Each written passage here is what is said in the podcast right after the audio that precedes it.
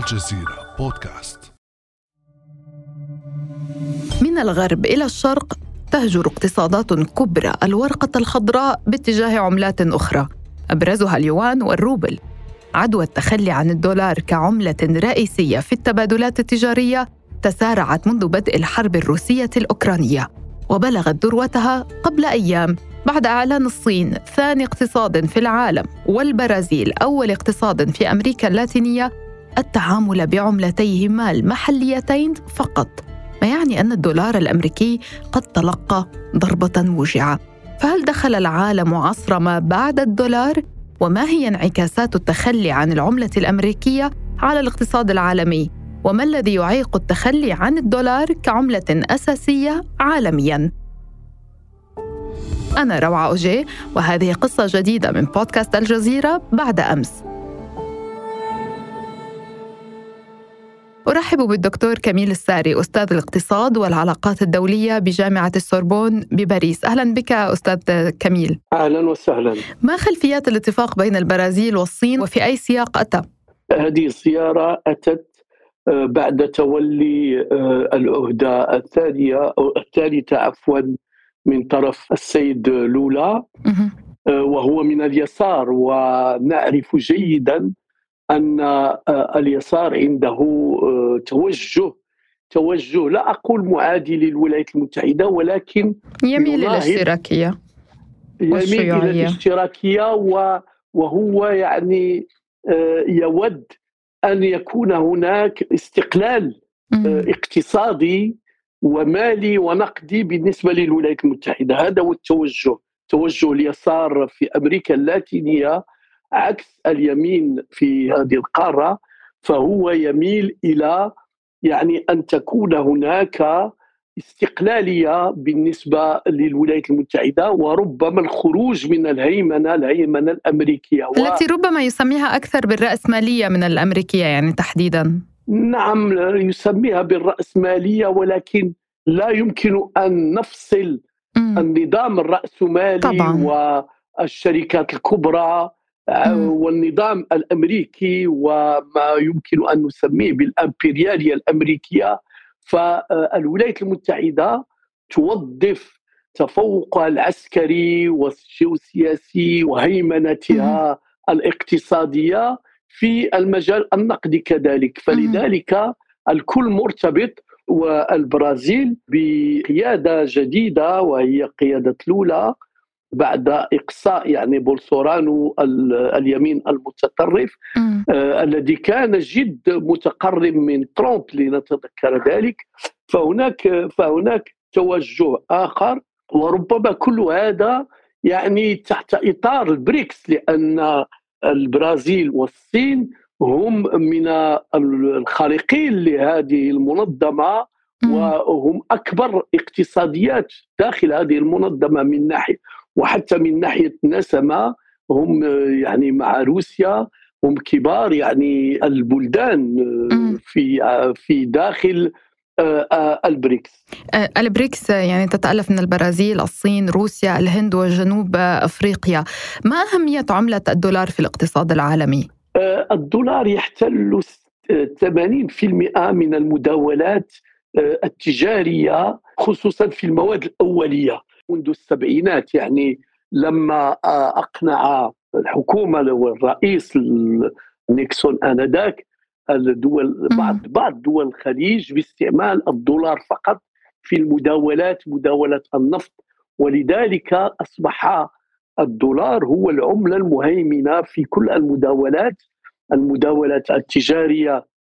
ولكن يعني نفوذه بدأ يهبط ويمكن أن نقول كذلك أن 60% من الاحتياط الصرف على الصعيد العالمي في البنوك المركزية هو بين أيدي الدولار والدولار هو المستعمل وعديد من الدول تقرض الولايات المتحدة كالصين كاليابان آه، وحتى دو بعض الدول العربية بآلاف المليارات آه، الدولارات. طيب هل تعتزم دول أخرى التخلي عن الدولار؟ هناك بعض الدول كالصين تكلمنا على الصين الهند إيران وكذلك حتى بعض الدول رأينا المملكة العربية السعودية تتفاوض مع الصين لتبادلات باليوان أو الريال السعودي ورأينا هذا التقارب بين إيران والمملكة العربية السعودية تحت رعاية صينية في بيجين. وكل هذا من المؤشرات أن دول حتى دول أمريكا اللاتينية هناك يعني مفاوضات بين الأرجنتين البرازيل وعديد من الدول لخلق عملة مشتركة أو على الأقل الاستغناء على الدولار. وفي بعض الدول الآسيوية مثل لازيان هم يستعملون عملات محلية أو يعني يحاولون التخلص من الدولار. طيب ولكن إلى أي مدى آه، نحن لم نعد نتحدث فقط عن دول بدنا نتحدث عن مجموعات وتكتلات مثل البريكس. آه، فما هي الخطورة من هذا التوسع في التخلي عن التداول آه، بالدولار بينهم على الأقل يعني؟ ليس هناك أي مشكلة بالنسبة لهذه الدول. فكل الدول لما تتبادل بينها البعض تتبادل بعملات محلية فهي يعني تخلق آليات تحت رعاية البنوك المركزية وتذهب في هذا السياق.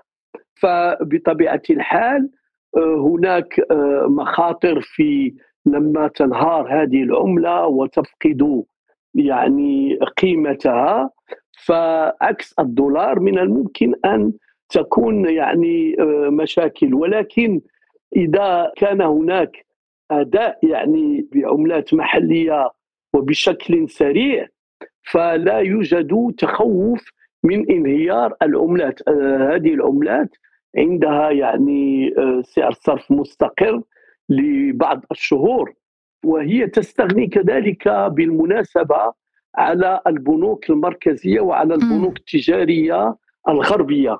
لما تتعامل بينها البعض الوسيط. فلا حاجة إلى الذهاب إلى آه، الوسيط وهذا الوسيط يمر بشكل يعني قطعي بواسطة بنوك يعني أمريكية أو أوروبية تستعمل آه، تستعمل وطبعا يعني عند كل مرحلة هناك عمولة يعني بالتالي آه، ربح فقط لجانب واحد وليس لطرفي التبادل.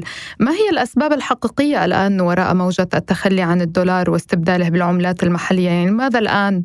آه، لماذا الآن؟ لأن العالم وكل الدول يعني اقتنعت بأن الولايات المتحدة تستعمل الدولار كوسيلة للهيمنة وكذلك أنها من الممكن أن تفرض عقوبات على هذا البلد أو ذاك الذي يستعمل الدولار. هناك بنوك حتى أوروبية يعني كانت وسيط بين متعاملين آه، عالميين وإيران وكوبا إلى آخره. ويعني آه، آه، أجبرتهم المحكمة العليا الأمريكية لأداء 8 مليار دولار بالنسبة لبين بي باريبا أو كريدي سويس إلى آخره. ف وما وقع مع روسيا أي الاستيلاء على احتياطي الصرف الروسي بقيمة 300 مليار دولار.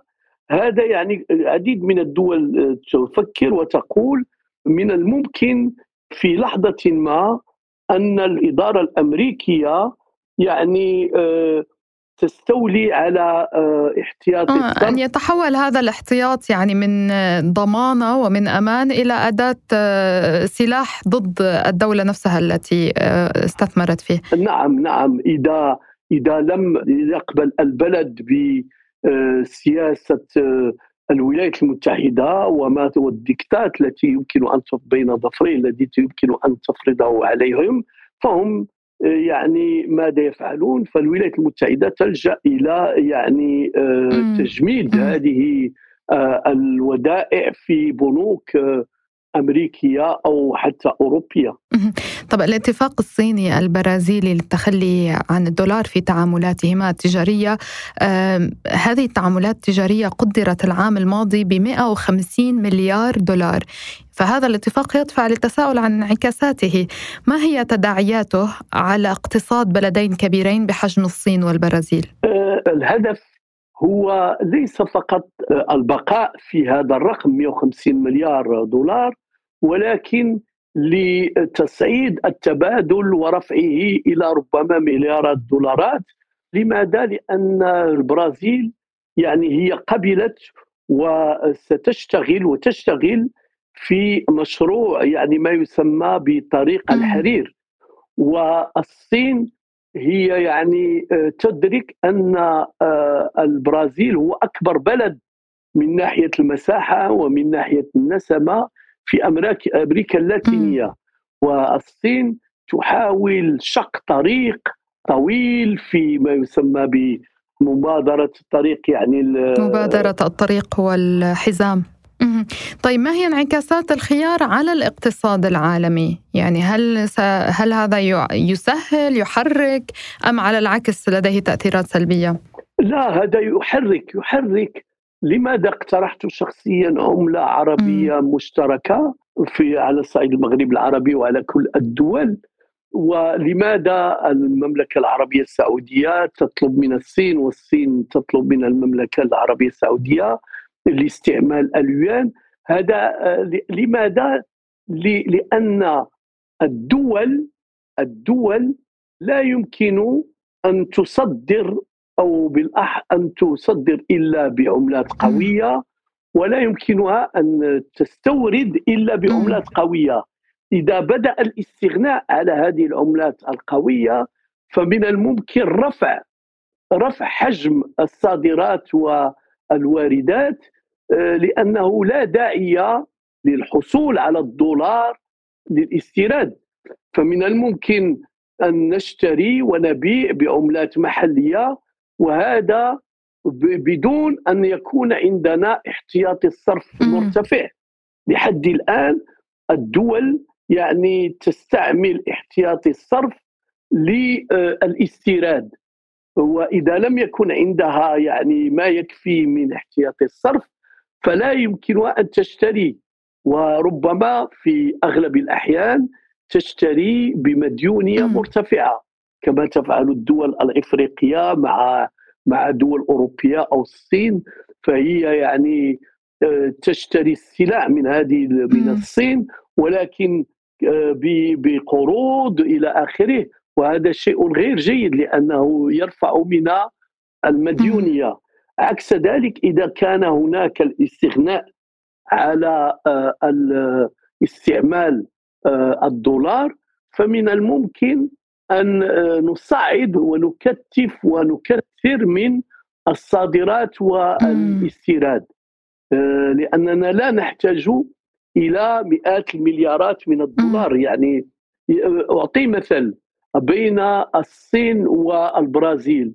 من الممكن أن الصين تصدر إلى البرازيل 100 مليار دولار والبرازيل يصدر إلى الصين لنفرض 80 مليار دولار ف 100 ناقص 80 لا يبقى بين البلدين إلا 20 فقط. لأنه يتم تصفية الحسابات عبر البنوك المركزية وعبر آه هذا ممكن كذلك يعني. طيب هل تؤدي هذه الاتفاقات إلى إنهاء عصر سيطرة الدولار؟ لنكون واقعيين.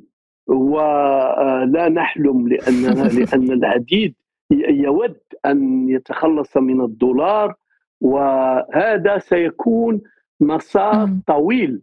يعني ولكن من الضروري البدء حالا بأخذ هذا المسار. فلذلك لا يمكن أن لا نأخذ الطريق طريق يؤدي إلى لا أقول التخلص من الدولار كليا. ولكن تقليص ربما حدة سيطرته. تقليص حدة السيطرة لأن عديد من البلدان الصين يقال أنها عندها أربعة ألف مليار دولار احتياطي سندات اشترتها من الولايات المتحدة وعديد من دول الخليج هي تستثمر في السندات الأمريكية بالدولار.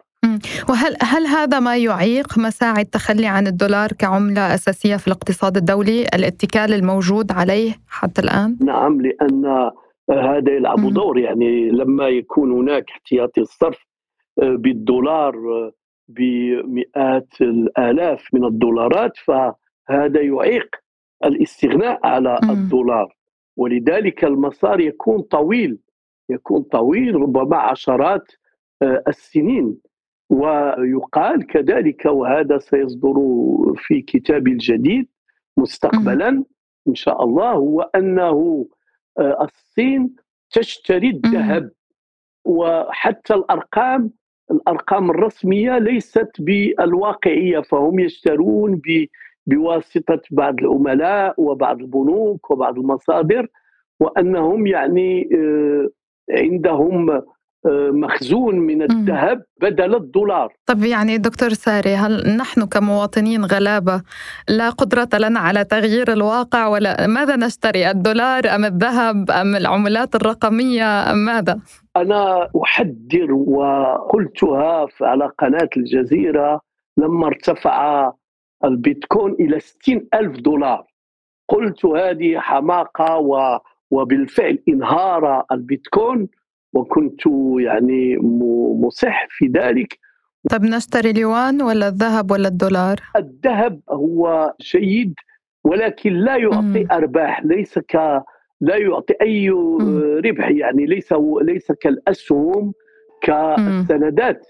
والذهب من الممكن أن يصعد وأن يهبط ولكن آه، هو سيك مستقبلا هو الذي سيربح على المدى الطويل. الذهب هو هو جيد بالنسبة للاشخاص و آه، والشركات التي لا تحتاج لهذه الأموال حالا.